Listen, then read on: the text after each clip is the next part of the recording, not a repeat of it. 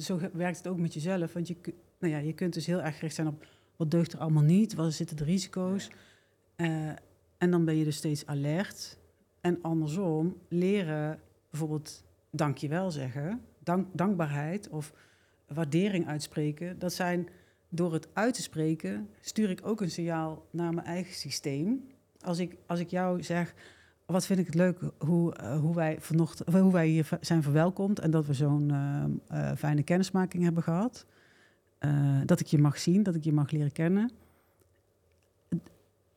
Als ik mijn hart open naar jou en ik geef daar woorden aan, ondertussen geef ik ook signalen aan mijn eigen zenuwstelsel dat, dat het oké is, dat het veilig is.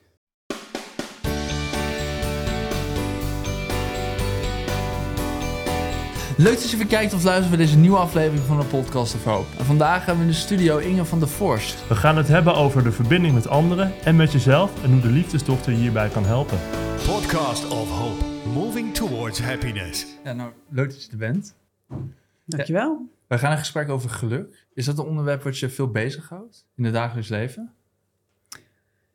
Ja, ja en nee. Het is niet dat ik eh, opsta met eh, wat is mijn geluk of Mm, nee. eh, hoe, krijg, hoe word ik gelukkig.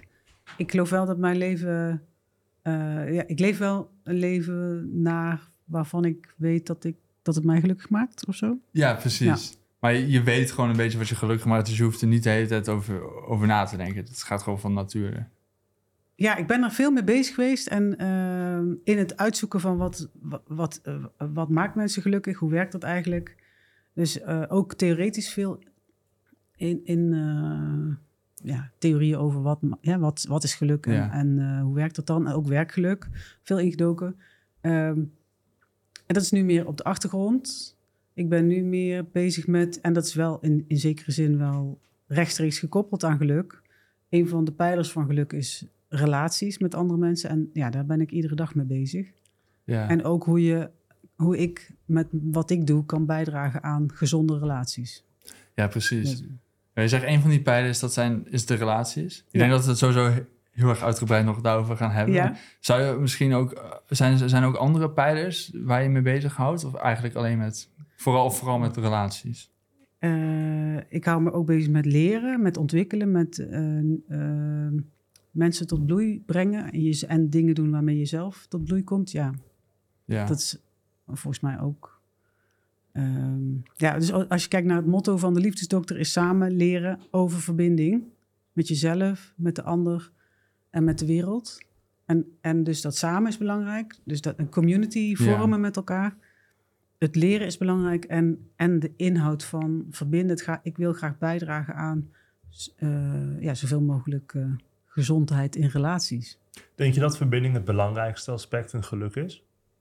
Ja, Hm. Ja, nee, duidelijk. ja, Ja, is dat ook waarom je ermee bezig bent of is dat ja. toevallig? Ehm, nou, dus ik, ik ben ermee bezig omdat ik, eh, ik... Ik heb communicatiewetenschappen gestudeerd... en ik ben vrij snel me verder gaan richten op interpersoonlijke communicatie... en intrapersoonlijkheid, dus met jezelf. Mhm. Dus persoonlijke effectiviteit en ehm, mediation... al die allerlei eh, dingen daarin gedaan in mijn scholing.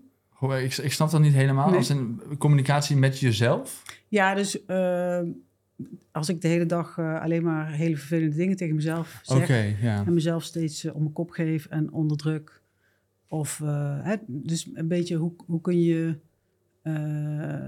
ja, hoe kun je groeien in risico durven nemen, Ja. jezelf meebrengen.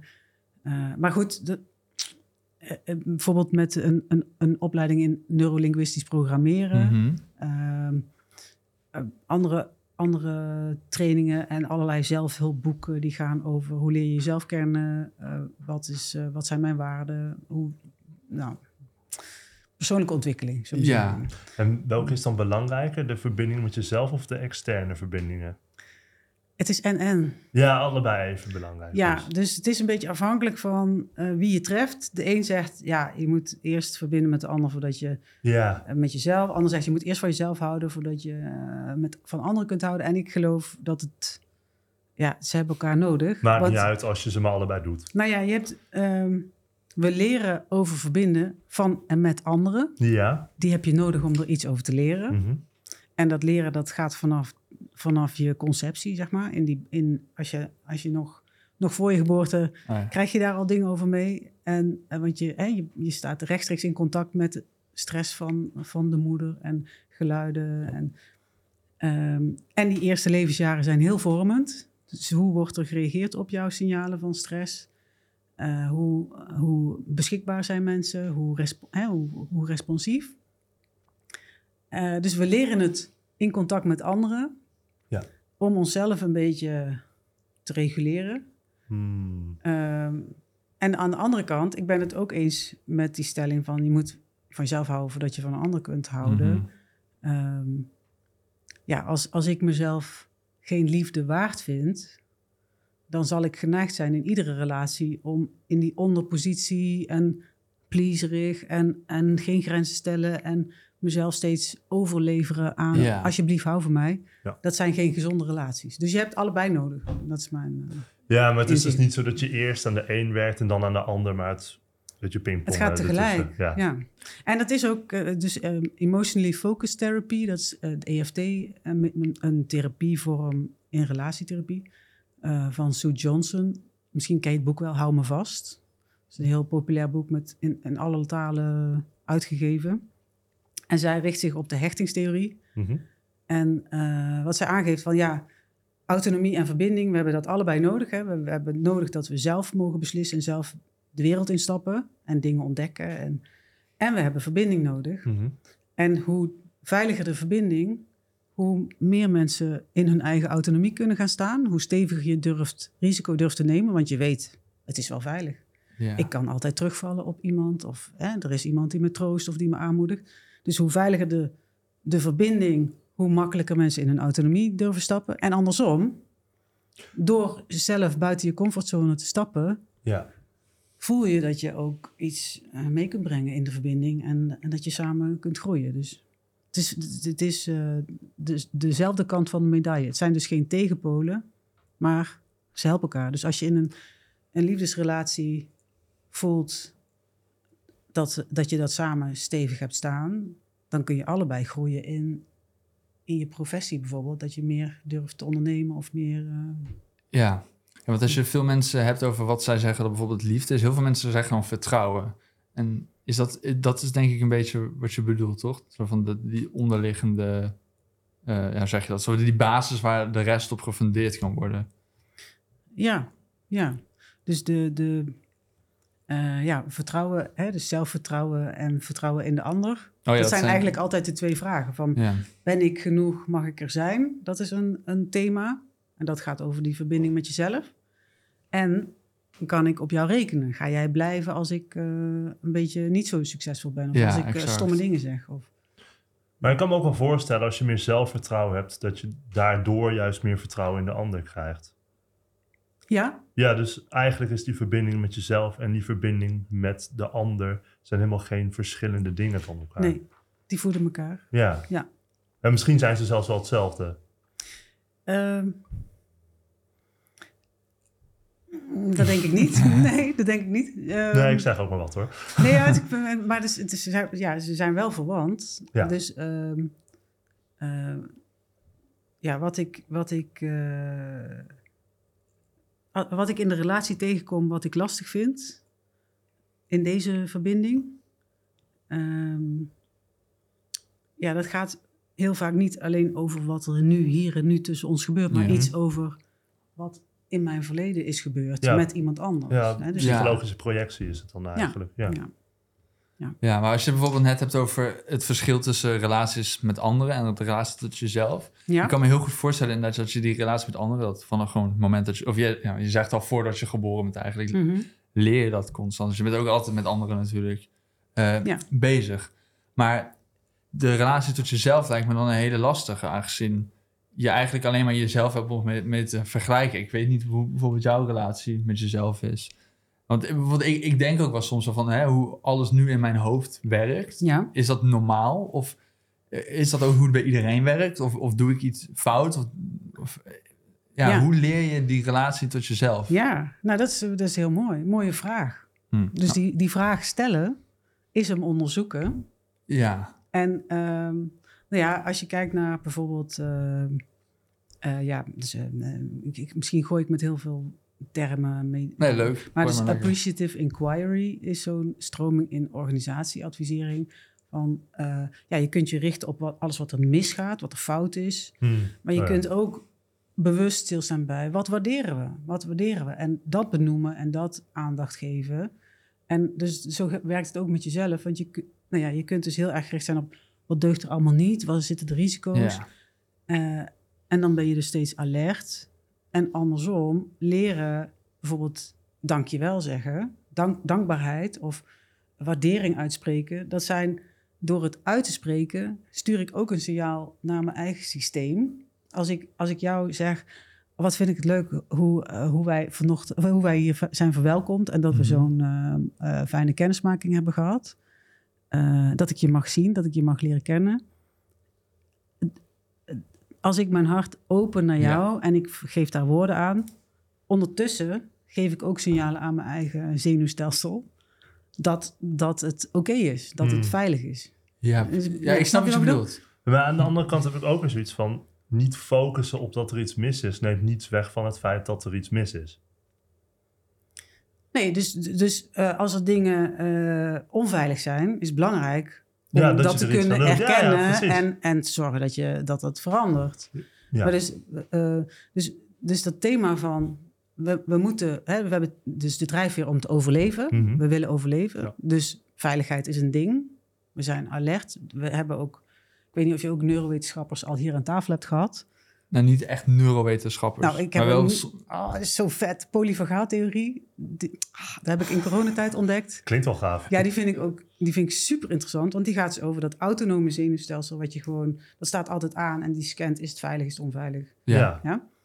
En, ehm nou weet ik niet meer wat ik wil zeggen. Maar, mm, nou, Ja, maar misschien dat je dat systeem dan gebruikt voor dingen waar het helemaal niet voor bedoeld is. En dat je dan problemen gaat zien in hele kleine dingetjes wellicht. Ja, precies. Dus dat, dat, dat autonome zenuwstelsel dat scant, veilig, onveilig. We hebben veiligheid nodig om risico, hè, om onszelf een beetje te ontspannen en om creativiteit en Mhm. compassie en al die dingen. Dat kan alleen maar als we veilig genoeg zijn. Want anders zit je in dat overlevingsinstinct. Dan zit je in het bijna. overleven, vechten, vluchten of in de freeze. Dus in dat ontspannen, ja, dan is het dus, moet het op een bepaalde mate van veiligheid zijn. Mhm.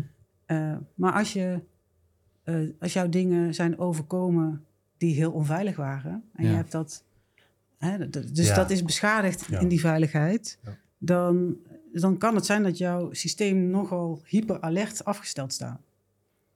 En dus dat Ja. veel sneller alarm slaat. En dus dat je ook veel sneller uit balans bent en in die overlevingsstand. Ja, dat klinkt eigenlijk als de hel. Dat je nooit Ja. veilig kan voelen. Ja, dat is de hel. Ja.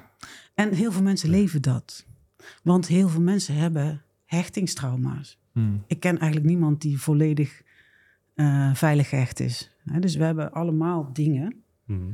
En, en wat zo fijn is, wij kunnen in verbinding met anderen die trauma's wel helen. We kunnen veiliger worden in de verbinding. En dat kan alleen met anderen. Dat kan je niet in jezelf doen. Nee. Dat is in verbinding met anderen. Namelijk, ik vertel iets waar ik me bijvoorbeeld voor schaam. Mhm. En mijn geheim, wat, waar ik mezelf... Hè, van ik ben niet oké, ik mag er niet zijn. En, en het is veilig genoeg om dat eh, op, met mezelf mee te brengen in een relatie met een ander. En die ander kan daar blijven. Mhm. Dat is helend. Dat is Ja. helend. Maar goed, dat is ook heel lastig als je twee mensen hebt die van elkaar houden en die heel dicht op elkaar. Of een ouder en een kind. Ja, je kan het niet aanzien dat die ander lijdt. Dus bij jou gaat ook het alarm af. Dus het is heel moeilijk om dan volledig responsief te kunnen blijven. Ja, en vooral als die relatie, zoals je zegt, niet veilig is, dan heb je ook niet het gevoel dat je, met, ja, dat je die ander met jouw problemen kan opzadelen zonder dat die persoon weggaat, bijvoorbeeld. Dat is een angst. Ja, dat is een angst. Ja, maar is dat dan een irre- irreële angst? Of is dat wel echt iets serieus wat je dan inderdaad... Misschien moet je dan met iemand anders over praten? Of? Nou ja, ehm, ik weet niet, dat is niet zo zwart-wit, denk ik. Nee. Maar dat is wel waarom, er, eh, waarom het heel fijn is om eh, meer dan één mens in je leven te hebben. Ja. Eh, en je te laten zien op verschillende plekken. Dat is ook waarom bijvoorbeeld de waarde van onderwijs, de waarde van vriendschappen. Dat je, het zijn allemaal, ja, dat noemen ze dan stepping stones, allemaal plekken waar je weer nieuwe ervaringen kunt opdoen. Die Mhm. eerste leidinggevende die in jou gelooft. Dat is super helend. Je kunt op je, op je leidinggevende dingen projecteren die eigenlijk voor je ouders bedoeld waren. Maar, maar daar nog. Oh, Hey, ik heb ja. met mijn directeur ruzie gemaakt. Ontzettend veel ruzie gemaakt. Tot ik me realiseerde, ja, wacht even. En ongevraagd advies gegeven ook. Tot ik me realiseerde, ja, wacht. Ik zit nu dingen te doen met jou. Want ik wil voor jou iets krijgen. Wat ik van mijn vader had willen krijgen. Maar ja, die is dood. Ik krijg het niet meer van hem. Oh. Gaat nooit meer gebeuren. Ja. Maar ik zit iets te projecteren op jou wat jij helemaal nooit kunt geven. Dus, die, dus dat, ja, dat is super interessant van relaties. Ja, maar wat, wat doe je daar dan vervolgens mee? Want dan heb je zoiets van, dan moet ik daarmee stoppen om dat te projecteren. Maar Dat gaat niet. nee, dat gaat niet. En al gaat dat wel, heb je het dan alsnog nodig. En kan je me nog eens zeggen, jouw vraag? Nou, kijk, want je projecteert iets op hem, want je, je wil, laat maar zeggen, iets van hem wat je van je vader wilde hebben. Maar op het moment dat je daarmee stopt, wil je alsnog datgene hebben, als het ware. Nou ja, ja, ik heb dus te leren leven en te leren dragen dat gemis Ja. in wat ik niet heb gekregen, wat ik wel had willen. En Oké, maar daar moet je dan dus had. maar gewoon mee leven. Ja, dus ja, dan eerst moet je, eerst, het gaat erom dat je het eerst leert herkennen. Ja, ja. Van, hè, dus in heel veel liefdesrelaties bijvoorbeeld, ja, eh, wil jij eh, dit voor mij even dragen, dan zal ik wel dit voor jou doen. Dan, Mhm. dan maken we elkaar zo'n beetje heel. Ja, nee, je moet uiteindelijk komen mensen dan bij mij in de praktijk. We kunnen niet verder, want eh, ja, hij beslist alles, maar ik wil zelf kunnen beslissen. Ja, ooit was dat een goede deal. Maar nu zijn jullie verder gegroeid. Nu moet je of ja, moet leren zelf. Dus zelf dat gat dragen. Of zelf dat Ja. die beschadiging eh, erkennen Ja. En daar zorg voor dragen. Je kan een ander ook niet gelukkig maken, daar weten jullie alles van. Hè? Je kan niet een ander gelukkig maken. Nee. Het gaat inderdaad heel slecht. Ja, het gaat niet. het gaat niet. Of ouders die zeggen, je mag alles doen als je maar gelukkig bent. Nou, eh, nou, nou hoe, hoeveel druk wil je erop leggen? Ja, waar gaat het mee beginnen? Ja. mag ik dus niks Ja. doen. Ja. ik weet niet. Nee, we hadden, ehm, voor, ik weet niet of vorige, vorige podcast was, maar we hadden het ook over trauma's. En dat werd, noemden, werden dan pijnlijke punten genoemd. Dat was vorige week, toch? Ja. Ja, en, maar ehm, eh, zij suggereerde dat de trauma's of die pijnlijke punten die dan verholpen moesten worden, ook bijvoorbeeld doorgegeven konden worden door, door, je, door je moeder bijvoorbeeld. Mhm. Door, dat dat in je familielijn op een bepaalde manier... Ben je, dat ook van, ben je daar ook van mening van? Dat, Ja, nou ja, ehm, ik weet dat ik dingen heb doorgegeven aan mijn dochter die ik liever niet had doorgegeven. Maar je kan pas iets anders doen op het moment dat je het herkent. Mhm. En heel veel gedrag is onbewust. Dus dat ik zo lang allerlei dingen op mijn directeur projecteerde. Ik had het niet in de gaten. Ik had ook niet in de gaten dat ik naar mijn collega's altijd als een soort grote zus. Iedereen kwam bij mij een verhaal doen en ik ging iedereen helpen, maar ik vroeg zelf nooit om hulp. Mhm. Had ik niet in de gaten tot ik het wel in de gaten had. Ja, als je, dan kan je iets gaan veranderen. Dus op het moment dat je dingen herkent, van oh wacht, in die relaties is het eigenlijk een beetje eh, niet zo gelijkwaardig. Wat zou, hoe, hoe kan ik mezelf toestaan om wel ook mijn kwetsbaarheid te laten zien of mijn behoeften mee te brengen in de relatie? Ja, ja, want ik wilde inderdaad net zeggen, want dat hoeft niet per se een probleem te zijn. Dat je juist die grote zusopstelling hebt als in je helpt iedereen, maar vraagt er niet voor terug. Nou, Maar- dat is een goed recept voor burn-out. Dat eh, kan ik me wel voorstellen, ja. Nee, dus misschien om terug te komen op jouw vraag van... eh, is het zo dat je dingen doorgeeft? Ja, ja, dat doe je. Dat doen we allemaal. En, eh, en het stopt op het moment dat je je eigen shit gaat vastpakken. ja. En, en ehm, ja, ik weet niet of jullie het gehad hebben over systemisch eh, werken vorige keer. Daar ben ik ook wel ook in opgeleid in, in zeg maar relatietherapie vanuit die systemische eh, perspectief. En dat is, eh, wij, wij worden geboren in een systeem. Hè, die, eh, daar kom je, ja, daar heb je niet per se iets eh, aan inbreng in. Hè, daar, daar kom je terecht. Ja.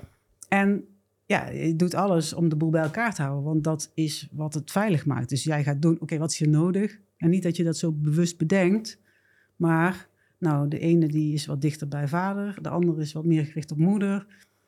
Hè, dus ehm, bijvoorbeeld in gezinnen waar eh, een kind met een, eh, met een beperking dat dan een, een broertje of zusje, ja, ik ga niet nog heel moeilijk doen. Eh, ze hebben het al moeilijk genoeg, dus ik fix het allemaal wel zelf. Ik ga niemand Hmm. lastigvallen. Dus zo, dat soort Ja. dynamieken kun je wel. dus wij zijn blind loyaal aan waar we vandaan komen. Mhm. En we doen alles om de boel bij elkaar te houden. Ja. Maar hoe heet dat sy- systeem? Systemisch werken. Ja. Maar is dat, Oh, is dat iets goeds? Opstellingen. Is dat iets goeds? eh, Dat je dat systeem bij elkaar probeert te houden? Ja, Want ja, zoals je dat zegt, kan het ook wel voor problemen dan misschien zorgen. ja, dat is ook zo. Dus, dus we raken ook van onze plek dan. ja. En, eh, maar dan kan je ook niet echt voorkomen dat het gebeurt. Ja, oké. Het, Ja. is, het is gewoon iets wat gebeurt. En als, je daar, als je dat inziet, dan zou je daar misschien wat aan kunnen doen of zo. Ja, Alleen aan de andere kant valt het systeem dan in elkaar. eh, dat is de grote angst. Ja. Ja, toch? Ja. Maar dat is niet het geval. Nou ja, jij kunt niet, je, je kunt, een kind kan niet zorgen dat ouders bij elkaar blijven, bijvoorbeeld. Eh, ja, dat is zo, ja. Eh, en dat is wel wat een kind zal. eh, hè, ergens eh, gaat hij alles doen om de. Desnoods ga ik, eh, weet ik veel wat voor gekke dingen. Oh, doen. op die manier. Ja. Hij, hij past zijn gedrag zo aan omdat hij denkt dat hij het systeem bij elkaar houdt. Ja, maar niet te denken, zeg maar, dat het zo bewust is. Onderbewust. Ja, dat gaat gewoon. Ja, ja, precies. Maar het is niet zo dat zijn aangepaste gedrag het systeem daadwerkelijk bij elkaar houdt. Nee, Nee, oké. daar ga je helemaal niet over. Dat is veel groter dan. Ja, ja, ja. Ja. En dus dat, hè. Dus, dus ehm, ik heb ergens opgepikt. Als ik nou heel goed word in communicatie, eh, ik ga me verdiepen in alle, alle theorieën die er zijn over persoonlijke effectiviteit en hoe je heel goed met elkaar kunt communiceren. En ga zo communiceren dat het altijd goed gaat, dan word ik gelukkig. Maar dat is niet zo, want als je heel erg bezig bent met supergoed communiceren de hele tijd met je partner, wat gebeurt er dan? Nou ja, ik zou zeggen dat, dat je dan te veel bezig bent met dat het goed is. Dus als het dan niet goed gaat, dat het dan eigenlijk extra kut is. Ja, ik was vooral met die ander bezig. Totaal niet. Ik kon helemaal niet zeggen wat ik fijn vond of Oh, nodig ja, je- had. Oh, zo, ik was alleen maar bezig met pleasen. En Oh, oh, ja. Het wordt heel eenzijdig dan. ja, het was totaal ongelijkwaardig. Nou, Oh, Ja, dat is ja, wel ja, interessant. Ja, nee, die, herken je wat dingen? Nee, niet per se. nee. Gelukkig niet dan, denk Nee, ik. dus wat, bijvoorbeeld Esther Perel vind ik ook een hele interessante, Mhm. hele inspirerende eh, relatietherapeut. Zij is Belgische, eh, een kind van eh, twee overlevers van Auschwitz. Hmm. Zij, het eerste, zij zegt dan, ja, wat mensen die Auschwitz overleefden deden, was het eerste wat ze deden, was een kind krijgen, want dat is een soort bewijs van we leven. Mhm. En dat was haar oudere broer. En zij is zeven jaar later geboren. En zij, en zij vertelt, ja, in, in, die, in de wijk in Antwerpen waar ik ben opgegroeid, had je twee soorten overlevers van de oorlog. Dat waren de mensen die niet dood waren en de mensen die weer gingen leven. Hmm. Ja. En, dat, en eigenlijk kan je zo naar heel veel mensen kijken. Want Mhm. oké, je bent niet dood. Maar durf je risico te nemen? Ja. Durf je je hart te volgen? Durf je jezelf mee te brengen in een relatie? Durf je... Ja. Ja, Ja. dat is dit. Ja. ja, en dat lijkt me heel lastig. Dat is denk ik ook bijna een vaardigheid die je eigenlijk al moet kunnen, toch? Nee, zeg ik iets raars? Ik denk... eh, ja, ja, eh, kan je er iets meer over vertellen? Nou ja, om op die manier je leven weer op te pakken. Ja. Dat is niet iets, denk ik, wat je zomaar doet. Dat is bijna iets wat, wat je ehm, misschien getraind moet hebben. Of dat, ik bedoel natuurlijk niet letterlijk getraind, maar wat je misschien al ervaring mee moet hebben. Ik kan me voorstellen dat, dat, dat heel veel mensen bij een bepaald niveau van ongeluk, dat ze gewoon uitschakelen. Ja. In plaats van, eh, ja, hoe zeg je dat, de riemen weer op te pakken. Ja, ja. Dus, eh, en de mensen die, die dat lukt, ja, is dat allemaal hun eigen verdienste? Of is dat ook omdat er bepaalde hulpbronnen Hmm. beschikbaar zijn? Hè, dus Ja, bijvoorbeeld eh Victor Frankl, Ja. de- die, die is misschien hier ook al eerder aan bod gekomen. Dat is nog volgens nooit mij een nog niet. aflevering Nee, nee volgens mij Oh. nog niet. Heb je dat boek ook gelezen? Eh, Oh. Nee, dat heb ik niet, helaas. Nou, lezen. Ja, dat moet ik nog wel doen, Ja, lezen. ja. Dus, maar wie is eh, Victor Frankl dan? Nou, ken hij heeft, ook, eh, hij heeft ook eh concentratiekamp overleefd. En toen hij, vlak voordat hij eh, werd afgevoerd, was zijn proefschrift klaar. En dat ging over, over geluk. Jullie moeten dit lezen.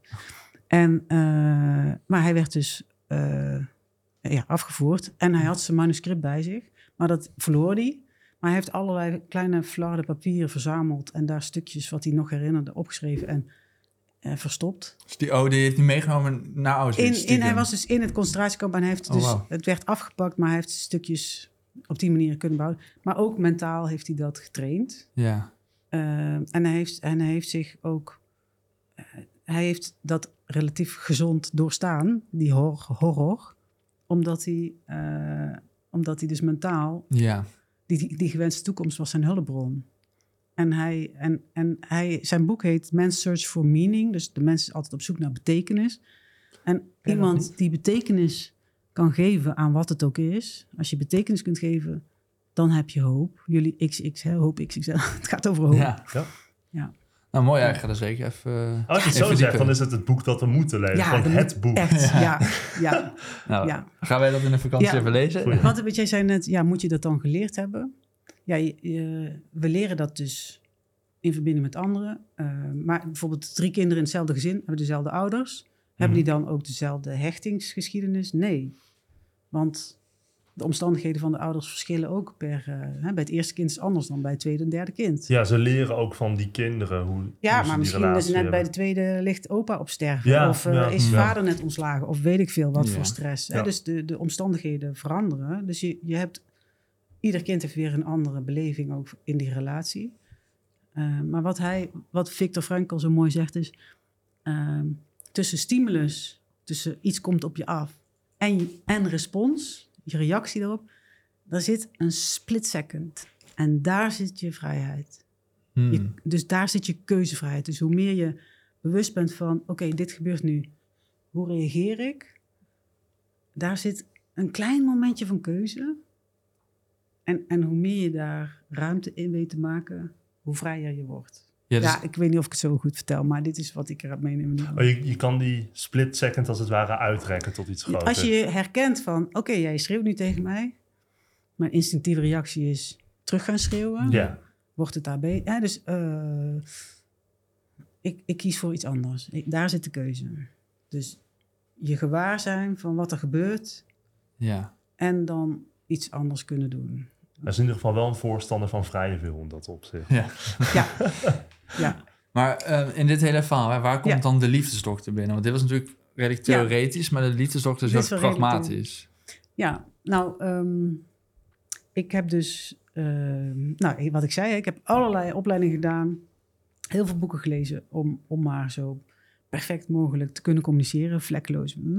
Oh, dat deed je gewoon puur voor jezelf? Dat deed ik uit omdat ik heel graag fijne relaties wilde met mensen en niet blij was met mezelf. Als ik kijk naar mijn hechtingsstijl, dan was dat nogal onveilig. Hè, dus ik was meer bezig met, ik, anderen, jullie zijn allemaal oké, maar ik niet. Hmm. Dus ik was heel erg aan het pleasen. Ja. Ah, alsjeblieft, wil je van me houden? zeg maar. En ehm, dat kon ik toen allemaal nog niet zo benoemen. Hè? Dus daar ben ik pas ook weer later tegengekomen. Die theorieën over hechting bijvoorbeeld.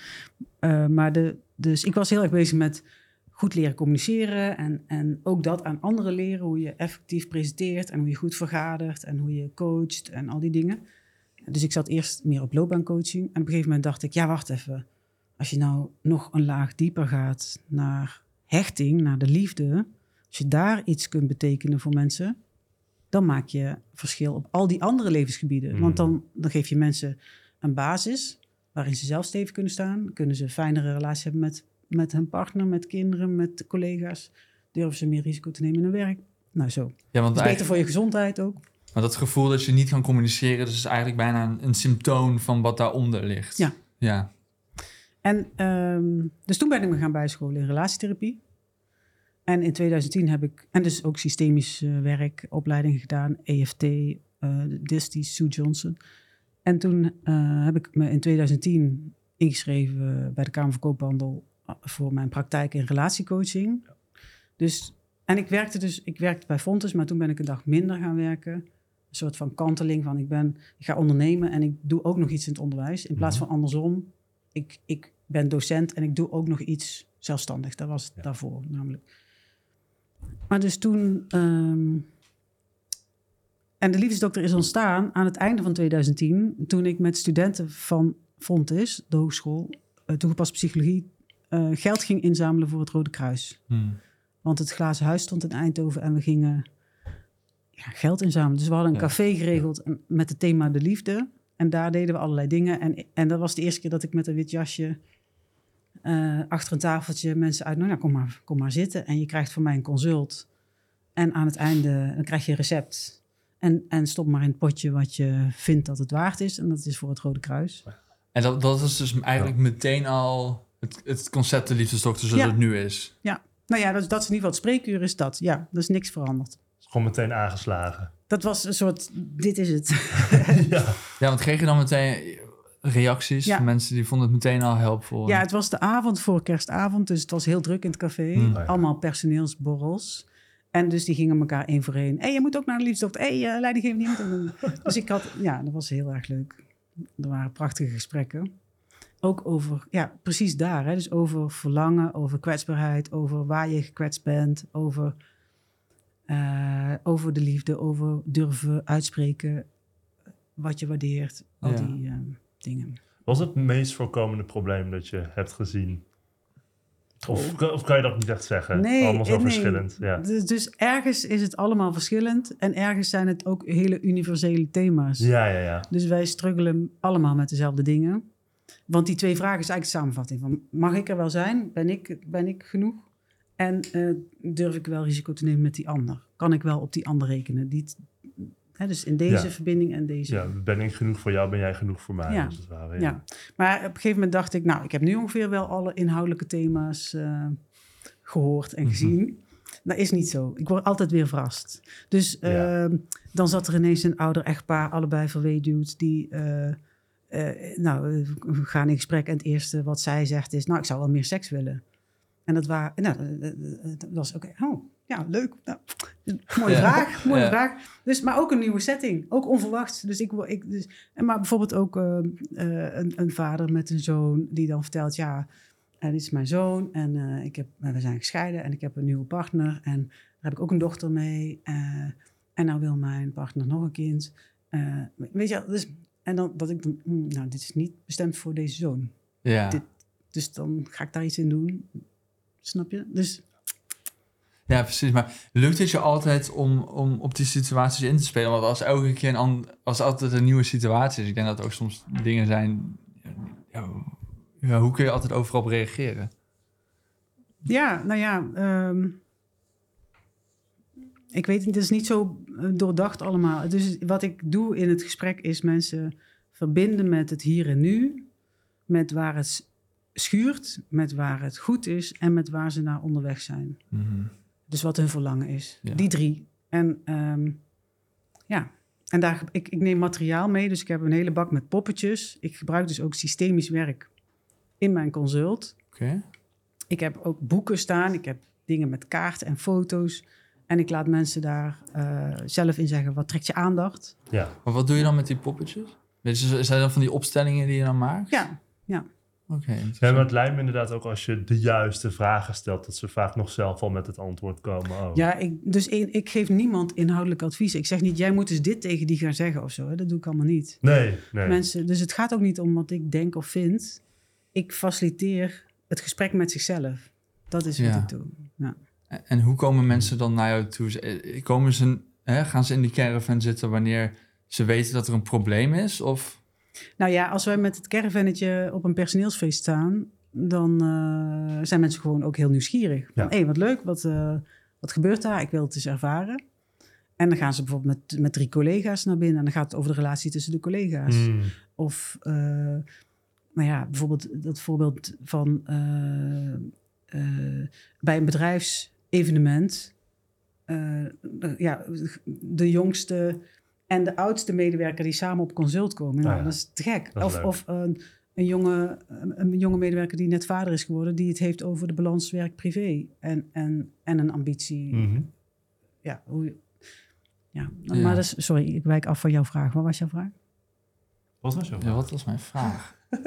Eh, oh ja, eh, ik weet mijn vraag weer. Eh, op welke manier ze binnenkomen? Hebben ze bijvoorbeeld last van iets? Oh ja. Of komen ze daar gewoon omdat ze benieuwd zijn wat er gebeurt en Nou, dan opeens... het is een mix, allebei. Dus, dus als, als je mij ziet staan, of als je ons ziet staan, de liefdesdokter, nou, de, het woord alleen al roept van alles op. Ja, zeker. Ja. En we krijgen heel veel reacties ook Ja. van, ah ja, ja, ja. Soms denken mensen, oh leuk, eh, eh, hè, doen jullie, eh, kop- koppelen jullie mensen of zo? Of, eh, of hele flauwe grapjes over... Oh, mag ik in de caravan met jou? Dat soort dingen.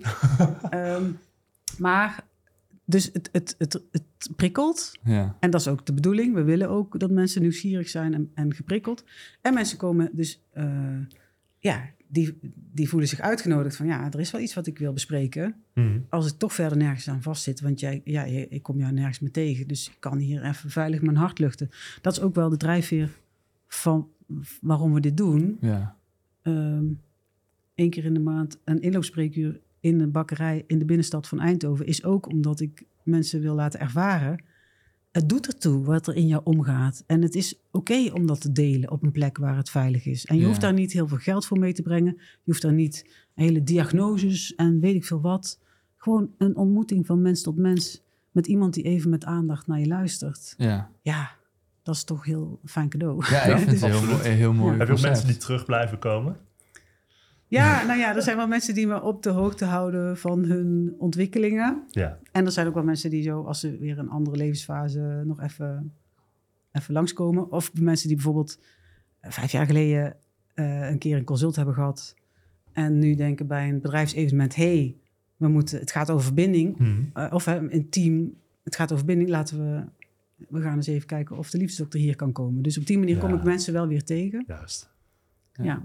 Maar het is eigenlijk iedereen ehm, zou, dit op, zou dit potentieel mogelijk kunnen hebben, toch? Want je, zoals je Ja. zegt, je staat bij een bakker, je staat op grote festivals. Je, Ja. je bent op heel veel plekken met extreem verschillende mensen. Maar iedereen, het slaat toch bij iedereen aan. Ja, we, we komen, ik kom ook met iedereen in gesprek. Dat is zo leuk. Dus of het nou een eh, nieuwjaarsborrel is van, eh, voor sekswerkers... of een eh, bobo-gala voor weet ik veel wat voor eh, clubmensen. Ja. Ja, wij zijn allemaal hetzelfde. We hebben allemaal de behoefte om van betekenis te zijn voor een ander... en om te voelen dat iemand ons ziet en, en waardeert. Hè? Dus dat is, daar zijn Ja. we allemaal gelijk. Maar het is, Dat is leuk. het is wel iets wat op je pad moet komen. Het is niet dat je zei voor, je, je, je zou normaal naar een relatietherapeut gaan. En dus dan denk ik, dat doe ik dan niet. Dan, dan ga, ga ik bij u langs. Dat is niet hoe het... Zeg je nou ineens u, dat hoeft niet. hoor. Zeg- Nee, nee. Oeps. De hele tijd nu gezegd. En nu- Ja, Maar nu nou, hebben we het over de dokter. Tegen de ja, dokter zeg je u. de dok- Ja, als relatiecoach. ja oké. En het. het, zijn, en het zijn dus wel andere dingen, want een consult bij de liefdesdokter is zeven minuten. Ja. Ja, En je hebt de ervaring in de wachtkamer met de zusters en, en je raakt met andere mensen in contact. En dus dat is veel meer dat lichte met diepgang. ja, Licht met diepgang. En in de praktijk, ja, da- daar zit ik dus meer eh, in het herstellen van die hechtingsverwondingen. ja. Ja. precies. Over de lange termijn inderdaad. Ja. Ja, dus daar hebben we iets meer. eh, ja, dan ben je een jaar bezig met elkaar. Nee, precies. Ja. Ja, je had het net over een recept wat je daarna die Ja. zeven minuten meegeeft. Ja. Hoe werkt het dan? Ik neem aan dat je geen oxycodon voorschrijft of iets. Nee, nee, geen. eh, dus het recept is altijd een opdracht. Oké. En dat is een symbolische opdracht. Dus, dus jij vertelt iets en ik hoor jou. Ik luister naar je verhaal en ik luister naar wat er niet gezegd wordt in je verhaal. En eh, halverwege het gesprek doen we iets, doe ik een interventie. En, en met wat daarin naar boven komt, dat verwerk ik in een, in een coachingsopdracht. Dus het is relatiecoaching light. Wat je, Ja. ja. Heb je een voorbeeld van een opdracht? Hoe, hoe moet ik dat voor me zien? Is, dat, oh, is het echt puur symbolisch? Of is het iets van schrijf Nou ja. iedere dag wat een- iets op waar je dankbaar voor bent of zoiets? Dat zou kunnen. ehm, maar bijvoorbeeld ook eh, ga eens op zoek naar een foto van het jonge kind van jezelf toen je drie Hmm. was. Hmm. En ehm één keer per dag. Hè, dus dan schrijf ik iets voor wat je een tijdje moet doen met die foto, bijvoorbeeld. Ja. Het is wel, het is wel een leuke, een, eh, leuke variant van een recept. Is actief. Je gaat zelf aan Ja. de slag met, Ja. met je leven. In plaats van dat Ja. je een middeltje neemt, dan wordt iets afgevlakt. Ik of- heb wel, eh, ik heb, eh, ken je Flavigny? Daar, dat is in Frankrijk. Is een, daar is een abdij. Daar maken ze. Ik ken echt helemaal niks blijkbaar. Dat, nee, ja, het is het is heel vervelend als ik dat zo vraag. Maar Flavigny, ja, ja. Daar is ook de film Chocolate opgenomen. En daar kwam ik pas achter toen ik in dat dorpje rondliep en dacht, "Eh, maar ik ken dit hier. maar dat is dus een film met Juliette Binoche, een hele, met Johnny Depp en Juliette Binoche. Nou, een hele schattige film, want zij is dan, zij maakt lekkere bonbons en iedereen. En dat helpt, zij is een soort liefdesdokter, maar dan met chocola. Oké. Hmm. Maar Flavigny is, is dus, daar is een abdij en daar worden snoepjes gemaakt, anijssnoepjes. Mhm. En, eh, en ik heb dus een hele grote pot met die anijssnoepjes. En soms als mensen dus bijvoorbeeld... Als het probleem is, ze staan nooit stil, staat alleen maar aan... en het is alleen maar beweging, beweging, beweging. En, en het recept is... Kijk eens hoe het is om wel stil te staan en Ja. met jezelf te verbinden. Ik heb dus ook... Dus dan krijgen mensen gewoon een portie van die pilletjes. Van die, van die snoepjes. ja. En dan moeten ze één keer per dag even dat in hun mond... en mogen ze niet opbijten tot, en stil blijven zitten tot die, tot die op is, bijvoorbeeld. Ja, ja grappig. Dit Ja, is dat is zo'n meditatie dan. Ja. Het is zo leuk. Zo leuk. Zo leuk. het is zo leuk. Ik ben zo blij dat de liefdesdokter in mijn leven is gekomen ook. Het is echt... eh, het is één groot avontuur. ja, dat, dat kan ik me heel goed voorstellen. En het is ook vooral zo leuk omdat ik dus eh, door, door die avonturen met de liefdesdokter... zelf wat losser ben geworden in Hmm. eh, durven doen. Mm. En eh, omdat we dus zeven minuten, dat timertje, zeven minuten. Ik had daarvoor altijd eh, in mijn werk bijvoorbeeld bij Fontis... dat gesprekken altijd uitliepen, want ik kon nooit stoppen. Ik wilde altijd nog vollediger, nog meer. En, en dus ja, dit is het voor nu. Dus dat, Ja. hè, dat is belangrijk ook om te leren begrenzen. Ja. Nou, dat, daar helpt de liefdesdokter mij bij. En het leuke van de liefdesdokter is dat we samen doen. Dus we zijn op pad met een club mensen. Ja. Ik ben ook in, in, in mijn ondernemerschap met de liefdesdokter op pad. Met, met Wendy, mijn compagnon. Dus die, eh, het, is, het is toepassen wat we zelf leren in die verbinding. Ja. Ja. Ja, we zagen hier Ja, al... Ja, deze preach, foto inderdaad. bijvoorbeeld. Of die andere. Ja. Het ziet allemaal Ja. heel, gezellig uit. Het is heel erg eh, uitnodigend. Ja, ja. Ik kan me goed dit is voorstellen- Wendy. Ja. Ja. ja, ik kan me goed voorstellen als je dit op een festival zo ziet staan... dat je dan op zijn minst even ook gaat kijken. Van, hé, wat, is, wat is er nou aan de hand? Nou ja, op een festival, dat is het leuke van festivals. Want mensen betalen een kaartje en die, die gaan, ik wil dingen ervaren. Ja. Dus, dus die zijn, daar is, Ja, zijn mensen heel heel gretig. Ja. Ja, heel Ja, daar heb je een hele goede sfeer altijd. Ja. Nou, we hadden het aan het begin van de podcast over die pijlers van geluk. Relatie was een Ja. grote pijler van geluk. Ja. Ben je... En ook ongeluk. Oké, ja, dat is natuurlijk Mm. De keerzijde. Maar zou je dan op een bepaalde manier ook de geluksdokter zijn? Help je mensen ook gelukkig te worden? Ja. Ehm, nou ja, als je, als je dus meer oké bent met wie jij bent... en ook meer oké met, oh ja, de anderen zijn ook wel te vertrouwen... Ja. Dan heb je een fijner leven. Dan neemt de kwaliteit van jouw leven toe. Dus t- ja, dan ben je gelukkiger. Nou, mooi. Ja! Eh, We zijn een beetje aan het einde gekomen. En we vragen altijd op het einde onze gasten eh, voor een voorwerp. eh, waar ze gelukkig van worden, inspiratie uit halen. Eh, jouw voorwerp ligt hier op tafel. ja. Wat heb je meegenomen? Nou, ik heb ehm, eh, een sleutelhanger meegenomen. En eh daar staat op, ik kies liefde. Hmm. En wij hebben deze sleutelhanger, eh, dat was een kerstcadeautje van, het, van de liefdesdokter aan onze opdrachtgevers en eh, de leden van het collectief. Mm. En, eh, en hij hangt dus aan mijn sleutelbos. En ik kies liefde. Dat, ja, ik vind het mooi van die spreuk. Van het, het vraagt dus dat bewustzijn. Het vraagt ook moed om dat te doen. Ja. Want Ja. soms is het veel lekkerder om gewoon heel kwaad te zijn. En of om, om eh, ja, weet je waar, zak hem erin. Dat is ergens ook heel, heel lekker en heel, heel makkelijk. Dus liefde kiezen is niet, niet per se comfortabel. Dus vaak vraagt het ook moed om dat Ja. te doen. En ik wil, ik wil zo zijn. Ik wil leven volgens. eh, hè, dus dus eh, mijn moed is groter dan mijn angst. Ik ben bang en ik doe het toch. Of, eh, ja. nou ja. En daar ben ik nog lang niet in uitgeleerd. Leer je Eh, daar ooit een uit? Volgens mij niet, toch? Nee, ik denk als je klaar bent, dan, eh, dan, ben, je, dan ben je Dan ben je dood. echt Dan klaar. ben je dood. Dan ben je- ja. Precies. Nee, want je komt gewoon steeds weer op een nieuw laagje. Ja. Met hetzelfde thema, maar een ander laagje. Ja. Ja, ik vind het wel een mooie, mooie zin. Ik kies de liefde. En het, het is ook wel geruststellend, want je weet in ieder geval dat het dus maakbaar is. Dus je hebt de keuze om er, oh, je hebt alsnog de keuze om ervoor te kiezen. Ik weet niet wat logisch klinkt, maar Ja, ja, en of het. Dus ik kan niet maken dat jij van mij houdt. nee, maar dat je, nee, nee, nee, nee, dat bedoel de- ik de- ook die- niet. in die zin is liefde niet maakbaar. En, Hmm. ehm, Maar wel andersom. en andersom, ik kan wel. ehm, ik kan, als ik met mijn partner, als we ergens oneenigheid over hebben, of we zijn uit verbinding geraakt door weet ik veel wat.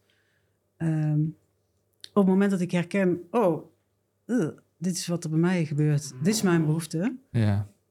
Wat is, hoe, ja, hoe kies ik liefde? Als ik, ik kies liefde, dus wat betekent dat? Wat vraagt dat nu dan van mij? Als ik kie- liefde kies, wat, wat heb ik dan te doen? Ja. En dat is denk ik ook wel meer de manier waar ik het op bedoelde. En Ja. ook als je met geluk hebt. Niet, ik, ik ga dan natuurlijk, je kan niet van iedereen houden. Oh, wel? Ja, ergens wel. Dus eh, dat, dat is wat ik ervaar eh, als liefdesdokter. Het gaat dus niet om wat, ik, wat mijn ego vindt van iemands vraag of zo. Hmm. Eh, dus ik kan iedereen, ieder, iedereen die aanschuift zien als iemand die en de moed heeft om, om zichzelf daarin serieus te nemen. Van Mhm. ik gun het mezelf dat ik hier iets in mag onderzoeken en iemand mag mij daarin zien. Dat vraagt moed. En, eh, en, en ja, dus ook eh, Maya Angelou die zegt het zo mooi van we do best until we know better and when we know better we do better. Dus we doen ons best, Oh, maar ja, soms is dat gewoon wel een, een onhandige manier of is dat een Ja. destructieve manier. Ja. Maar het is toch Maar dit is het beste wat je weet. ja, tot, tot je het beter weet en dan doe je het beter. Ja. Nou, ja. Nou, mooi. Ja, heel Ja. erg bedankt dat je langs bent gekomen. Ja, Ik dankjewel. vond het een nou mooi graag verhaal. gedaan. Leuk dat je hebt gekeken of geluisterd naar deze aflevering van de Podcast of Hoop. We hopen dat je ervan hebt genoten of misschien zelfs geïnspireerd door bent geraakt. Iedere zondagochtend om 10 uur komt er een nieuwe aflevering online op Spotify, YouTube en al je andere favoriete podcastkanalen. Ook kun je ons vinden op www.podcastofhoop.nl. Tot ziens en veel geluk. De wereld waarin we leven biedt nog geen gelijke kansen. Voldoende eten en drinken. Een adequate opleiding. Goede gezondheidszorg.